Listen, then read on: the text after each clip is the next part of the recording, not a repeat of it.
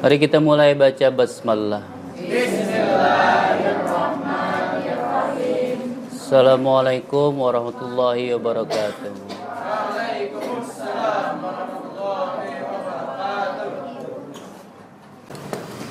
Hari ini kita membahas etika. Etika itu membicarakan apa? Baik atau buruk.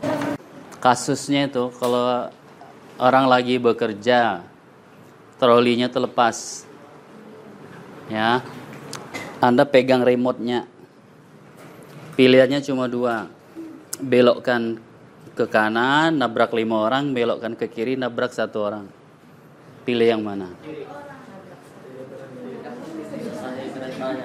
Hmm? Pilihannya cuma dua. Nggak ada pilihan tidak memilih. ya.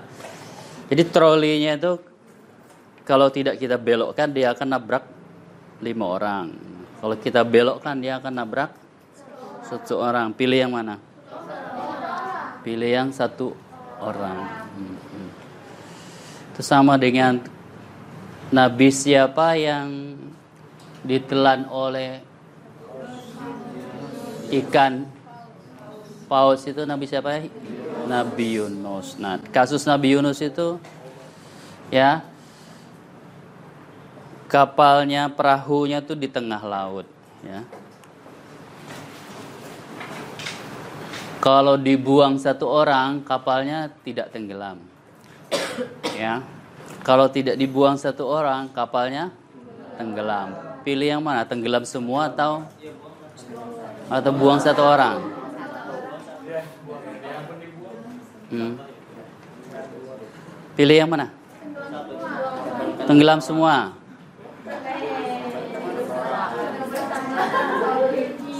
Apa? Kenapa tenggelam semua?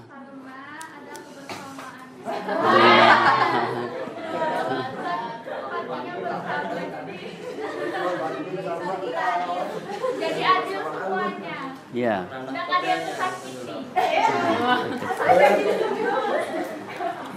Itu ya it, it- it- itu hati-hati kalau dia jadi orang tua ya. Ya, daripada dia mati sendiri, anaknya juga diracunnya ya. kan. Ya, sakit hati sama suami ya kan. Lalu bunuh diri daripada mati sendiri, anaknya juga ikut diracun. Mati semuanya. Ya, lebih baik mat- daripada mati sendiri, lebih baik mati ber bersama ya gitu. Ya, anaknya diracun, suaminya diracun, dirinya juga diracun. Ya, ditemukan satu keluarga mati keracunan. Ya.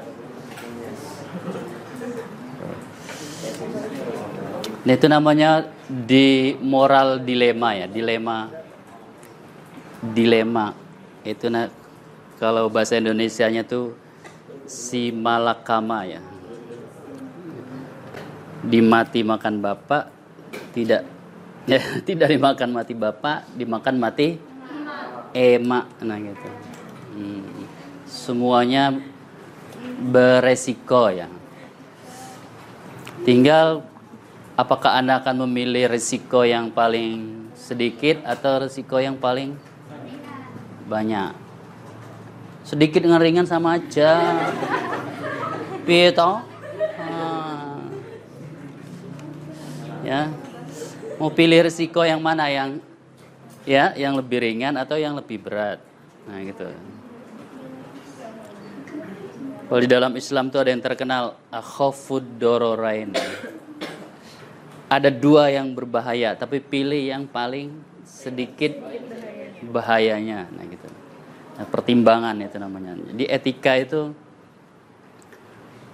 ada di mana kita dalam situasi yang seperti itu ya, di mana kita harus menimbang ya, menimbang.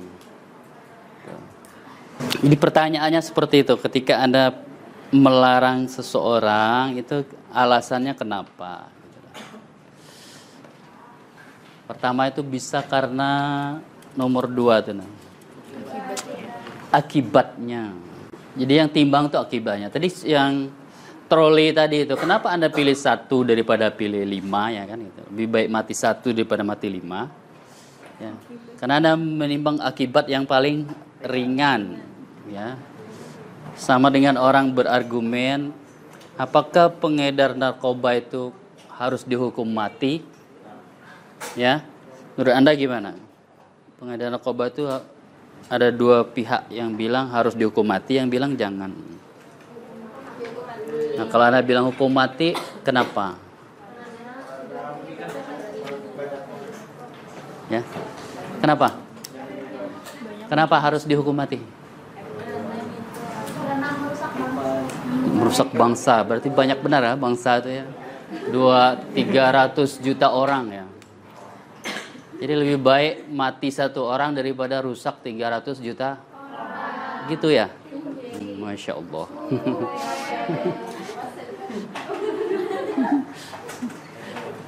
ya.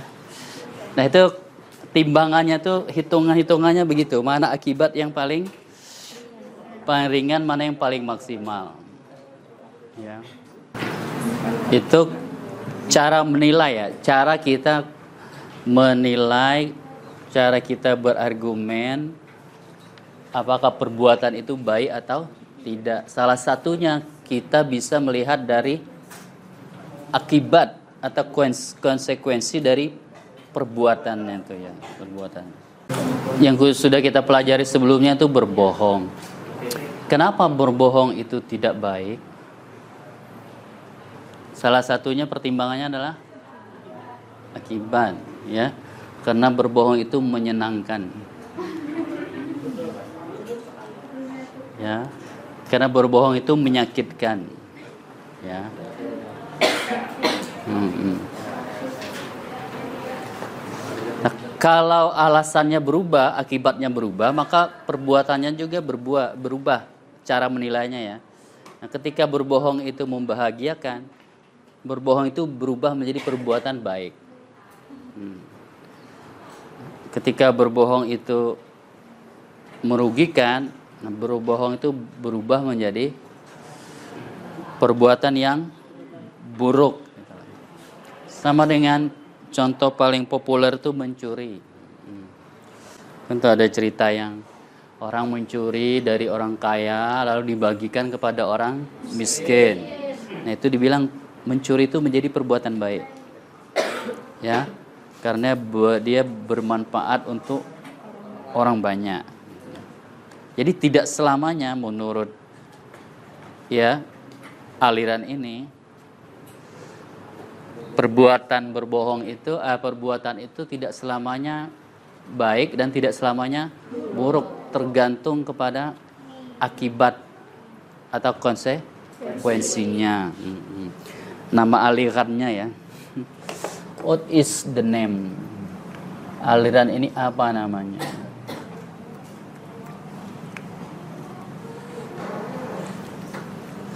Utilitarianisme. Ada yang menyebutnya konsekuensialisme Nama alirannya itu ya, utilitarianisme. Perbuatan baik dan buruk itu dinilai dari konsekuensi atau akibatnya. Misalnya Anda mau umroh atau naik haji. Uang itu hanya cukup buat umroh dan naik haji atau naik haji. Nah, ada tetangga Anda atau kerabat Anda itu yang sakit kekurangan biaya. Pertanyaannya, apakah Anda harus tetap umroh dan membiarkan membiarkan keluarga itu kekurangan biaya untuk berobat? Ya. Atau ada tidak jadi umroh duitnya untuk membantu orang yang kekurangan biaya untuk berobat tadi. Pilih yang mana? Ya. Untuk keluarga. Kenapa pilih tidak jadi umroh? Ya. Ada alasan yang lainnya? kenapa tidak jadi umroh tapi duitnya dipakai buat ada alasan lainnya pikir pikir pikir pikir pikir pikir apa kesehatan lebih diutamakan kalau duit masih bisa dicari kesehatan lebih diutamakan duit masih bisa dicari. Oke. Nanti lagi cari duitnya umroh tahun depan. Tidak mesti harus tahun bisa juga seperti itu. Ya. Jangan sampai yang kenapa? Kalau umroh itu untuk kepentingan pribadi anda. Ya. Dengan pribadi anda dengan Tuhan. Kalau membantu orang lain itu ya, itu ada kepentingan orang lain di situ. Karena di dalam Islam itu ada namanya amal soleh beriman kepada Allah dan amal soleh. Anda beriman kepada Allah ya pergi umroh tapi meninggalkan orang kelaparan atau meninggalkan orang mati karena tidak bisa berobat. Ya mati tidak bisa berobat. Nah itu timbang-timbangannya itu akibat ya akibat manfaat bisa juga dari perbuatan etika ini berguna kalau Anda dalam dilema ya, dalam keadaan dilema. Pernah menghadapi dilema? Sudah punya calon, tapi orang tua menjodohkan. Itu pilihan sulit ya kan? Kalau pilih calon sendiri, orang tua tidak setuju. Kalau ikut orang tua, ya hati kita menderita. Masa kita menikah dengan orang yang tidak kita cintai? Jadi gimana dong? Kan dilema itu. Hmm? Ikut pilihan orang tua apa ikut pilihan sendiri? Hmm? Pilihan sendiri. Kenapa? Mana yang pilihan sendiri tadi? Hah? Sebelah sini ada jawaban. Hmm? Pilihan sendiri apa pilihan orang tua? Kenapa pilihan orang tua? Masya Allah.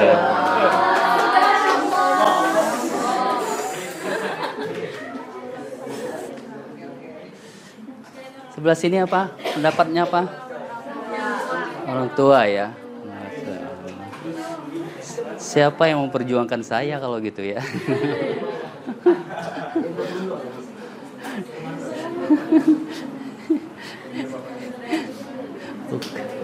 ya, itu itu dilema namanya ya, dilema. Anda banyak yang ada timbang ya. Kenapa Anda akhirnya memutuskan ikut pilihan orang tua ya kan begitu. Oke nggak apa-apa ya, silakan pilih pilihan orang tua ya. Aku tunggu jandamu.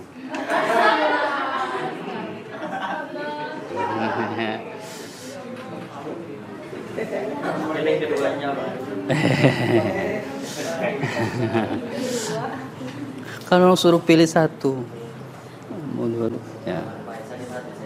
Nah ya, itu situasi dilematis namanya. Situasi dilematis itu perlu ditimbang-timbang mana yang perbuatannya itu. Ya, perbuatan yang tadinya itu buruk karena kita anggap buruk karena konsekuensinya baik, lalu itu perbuatannya berubah jadi perbuatan yang yang baik. Gitu.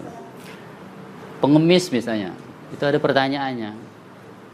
Ya, utilitarian ini nanya. Kalau ada orang mengemis itu, kita beri apa enggak? Ya. Nah, tergantung. Kalau ada orang mengemis, sana beri atau tidak? Ini tergantung dari apa tergantungnya? Hmm, apa kondisinya? Hmm. Nah iya. Itu kalau orangnya ya orangnya tuh gagah aja ya, tidak ada lemahnya, masih meminta-minta kita nggak memberi karena mungkin ya kalau karena justru kalau kita beri nanti dia malah tambah malas akibatnya ya dia hidupnya tergantung kepada orang lain.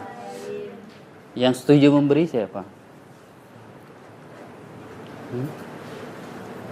Takut ditanya ya. Takut ditanya kenapa setu? Setuju. Hmm. Jadi menilai menilai perbuatan itu dari konsekuensinya akibatnya. Kita menilai itu perbuatan baik atau tidak dari akibat. Nah.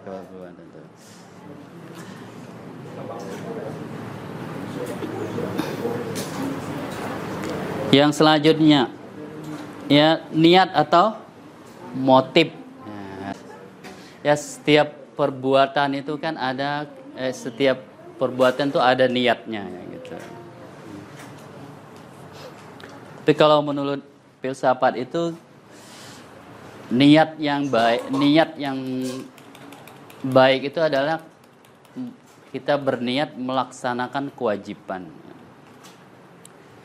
Jadi bukan karena kasihan ya, tapi melaksanakan kewajiban.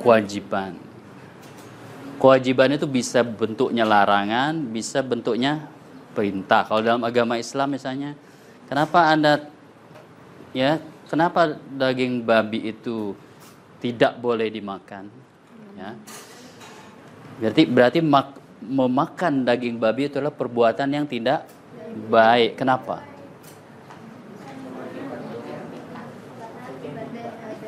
Kalau Anda akibat berarti kan masih di sini Anda. Karena cacing pita itu berarti Anda utilitarian ya kan? Apa?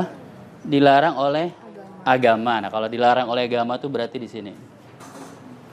Ya, kewajiban saya untuk tidak makan daging babi. Kenapa kewajiban saya? Karena Tuhan mewajibkan saya untuk tidak makan daging babi. Bahasa lainnya Tuhan melarang saya makan daging babi. Itu nama namanya ya itu. Kita melaksanakan itu karena kewajiban. Nama alirannya deontologi.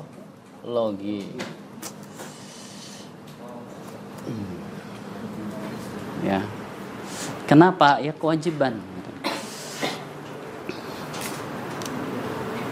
Di perbuatan itu baik atau tidak diukur dari orang itu melakukannya ya. Kan ada orang itu sholat ya kan. Sholat itu bisa minta perhatian orang lain. Itu dalam Islam apa namanya? Iya. Nah itu perbuatan yang tidak baik. Kalau sholat itu karena melaksanakan kewajiban, memang Allah mewajibkan saya sholat, jadi saya sholat. Nah itu deontologi ya, kewajiban. Sama tadi membantu orang miskin itu, ya. Kenapa membantu orang miskin? Karena Allah suruh kita membantu orang miskin, bukan karena kasihan. Atau bukan biasanya orang membantu lalu panggil wartawan, panggil TV, ngevlog ya kan. Saya membantu orang lain, pamer namanya kan. Menurut deontologi itu semuanya nggak ada yang baik ya. Karena pamer, karena ria, ya, kan? atau karena kasihan. Yang betul itu menurut antropologi, eh, deontologi adalah karena kewajiban. Ya. Jadi anakku sekalian ya, sudah pernah naik pesawat? Ya, pesawat tuh biasanya ada pelayannya namanya pramugari. Hmm. Pramugari itu dia ya, kalau cowok namanya hmm. ya ganteng senyumnya aduhai. Yang cewek juga gitu senyumnya luar biasa, cantiknya luar biasa.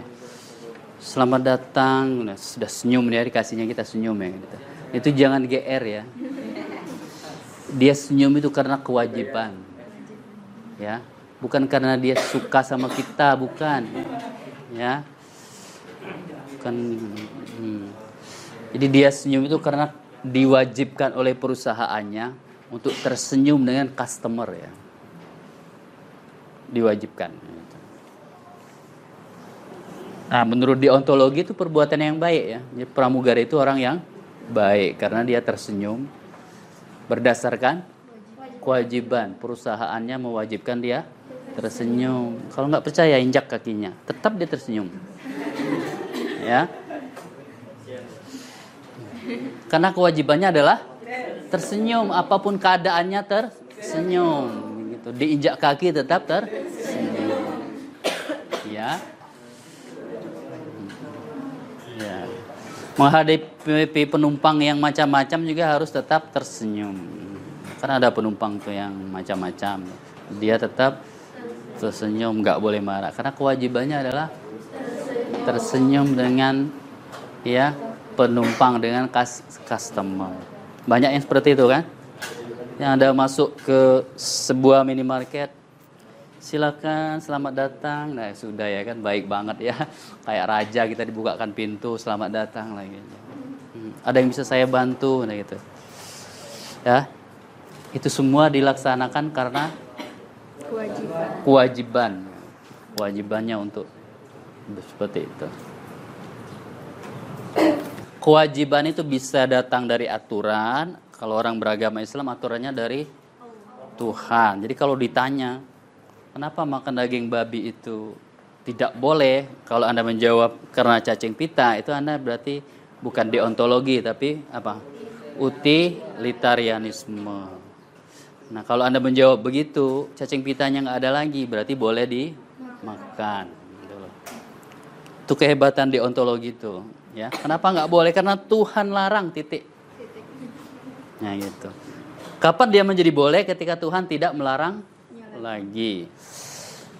Kalau anda jawab pakai utilitarianisme, itu bisa berubah nanti. Itu kan salah satu argumen misalnya kenapa perempuan itu harus iddah. Tahu iddah? Jadi kalau dia cerai dengan ya suaminya, dia harus menunggu 40 hari ya, 40 hari. Baru boleh menikah lagi.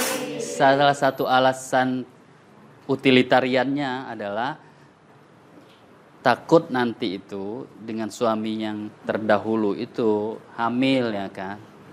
Nah kalau dia menikah lagi nanti bingung mana bapaknya mana. Iya anaknya yang bapaknya yang yang dahulu atau yang baharu ya kan. Nah, su- suami yang baharu. Itu salah satu alasan utilitariannya. Tapi orang sekarang berargumen, sekarang kan ada tes DNA.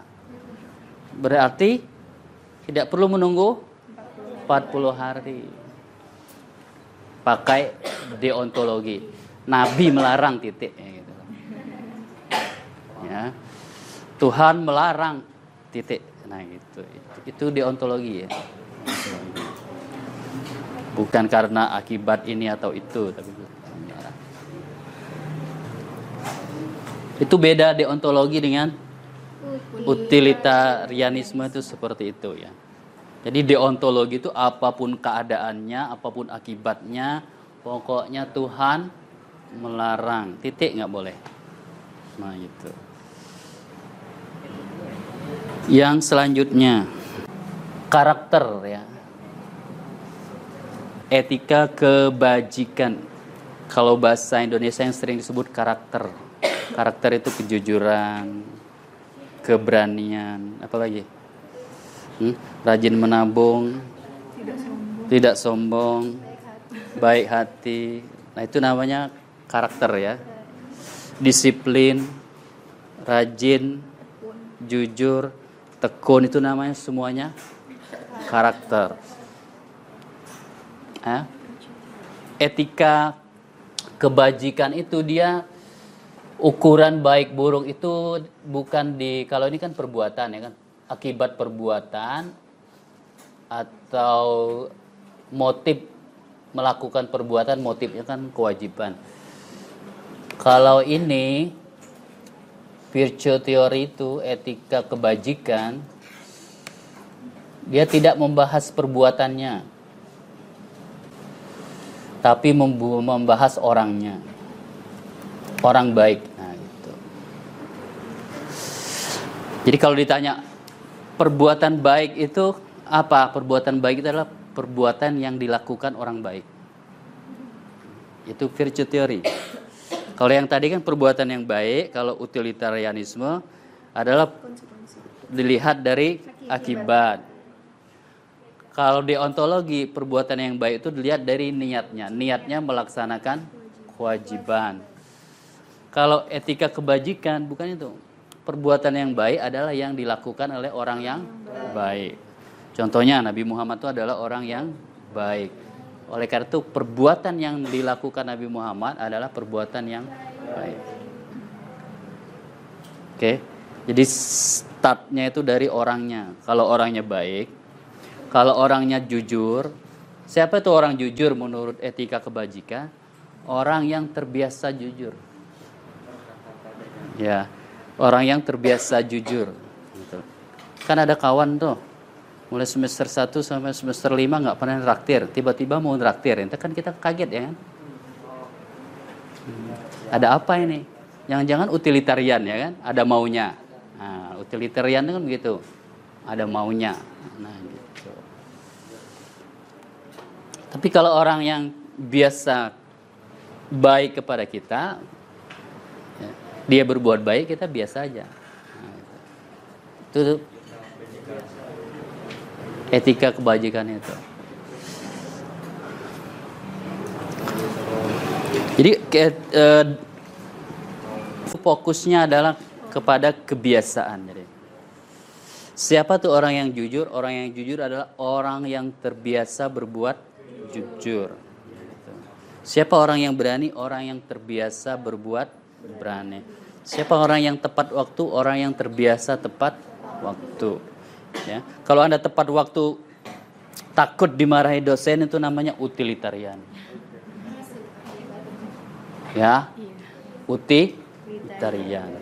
Tapi kalau Anda tepat waktu karena peraturannya wajib tepat waktu, itu deontologi. Tapi karena orang Anda itu orang yang memang terbiasa tepat waktu, berarti Anda di sini. Ya, Anda memang orang yang tepat waktu. Tahu itu perbedaan tiga itu? Tiga. Kalau Anda di bidang pendidikan pakai teori yang ini. Ya. Untuk membuat orang itu jujur harus dididik jujur. Ya, dibiasakan dia mulai kecil untuk berbuat jujur. Ini biasanya dipakai pesantren. Pesantren tuh banyak sekali pembiasaan-pembiasaannya ya. Sholat subuh ya. Harus sholat subuh semuanya di masjid. Ya kalau anda enam tahun pesantren, enam tahun ke masjid ya. Nah makanya kita biasanya kan dulu ada kiai, kiai ya kiai itu kan terkenal lalu dia mencalonkan diri jadi bupati ya kan terpilih jadi bupati. Beberapa bulan kemudian kita mendengar dia tertangkap KPK nah, kita kan setengah tidak percaya ya hampir tidak percaya. Dia kan kiai orang baik. Masa dia korupsi? Nah itu ini teori ini ya. Karena orang yang baik itu tidak mungkin berbuat tidak baik, baik. Nah, Kalau yang ini kan karena kewajiban saja. Nah, gitu.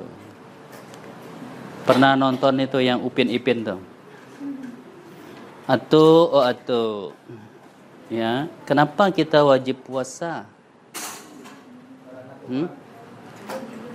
Karena Tuhan, karena Tuhan suruh, tak boleh. Eh, nggak puasa nggak boleh karena itu deontologi. Jadi ya neneknya tuh pakai deontologi dia nggak bilang supaya sehat kayak gitu. Tidak dia langsung aja dia jawab ya. Karena Tuhan suruh. Nah kita lihat beda ketiganya ya. Utilitarianisme vs deontologi vs virtue etik okay. vs itu apa? Versus ya. Hmm. ini moralitas. Jadi sesuatu perbuatan perbuatan itu baik atau buruk diukur dari outcome. Good outcome. Outcome itu artinya hasilnya ya. akibat konsekuensinya. Itu eh, utilitarianisme atau konsekwensionalisme. Kalau deontologi cara mengukurnya adalah baik buruk itu dari ada aturan nggak yang mewajibkan. Nah itulah. Ada tidak aturan yang Wajib. mewajibkan.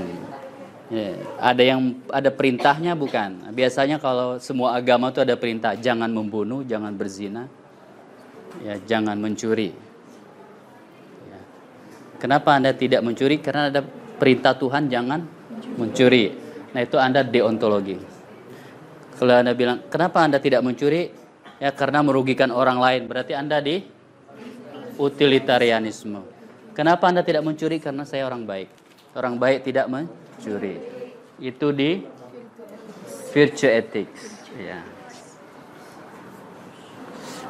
Kita coba tiga teori ini dalam kasus lampu merah. Do you know lampu merah? Hmm. Ya, lampu merah. Ya. Pertanyaannya, ketika lampunya merah, ya kita berhenti.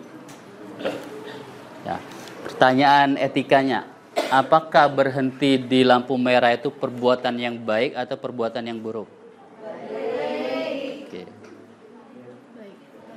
Kalau menurut utilitarianisme, kenapa perbuatan baik? Hmm? Menghindari kecelakaan.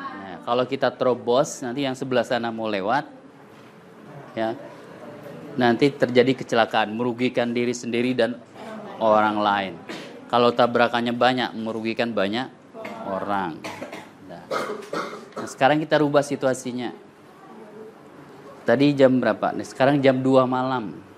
Sebelah sana nggak ada yang mau lewat, sebelah sana nggak ada yang mau lewat, sebelah sana lampunya merah. Apakah kita tetap harus berhenti atau terus? Kalau Anda terus tuh Anda utilitarian berarti ya. Kalau Anda terus berarti Anda utilitarian. Tidak membahayakan siapa? Siapa. Ya. Pas kita lewat polisi keluar dari anu persembunyiannya ya, persembunyiannya. Prit katanya. Kan polis kan polisi nggak membahayakan orang ya kan gitu. Kata polisi polisinya deontologi yang bahaya itu kan. Ini ada aturannya, lampu merah harus berhenti. Kita rayu polisinya biar pindah ke utilitarian ya. Kalau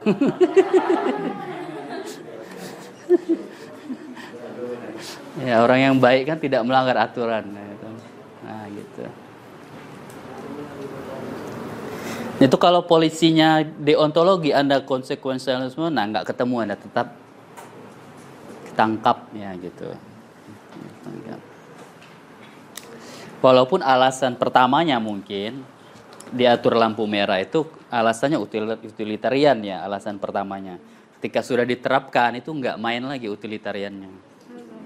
Ya, yang mainnya deontologinya ya. Undang-undangnya bunyinya seperti itu.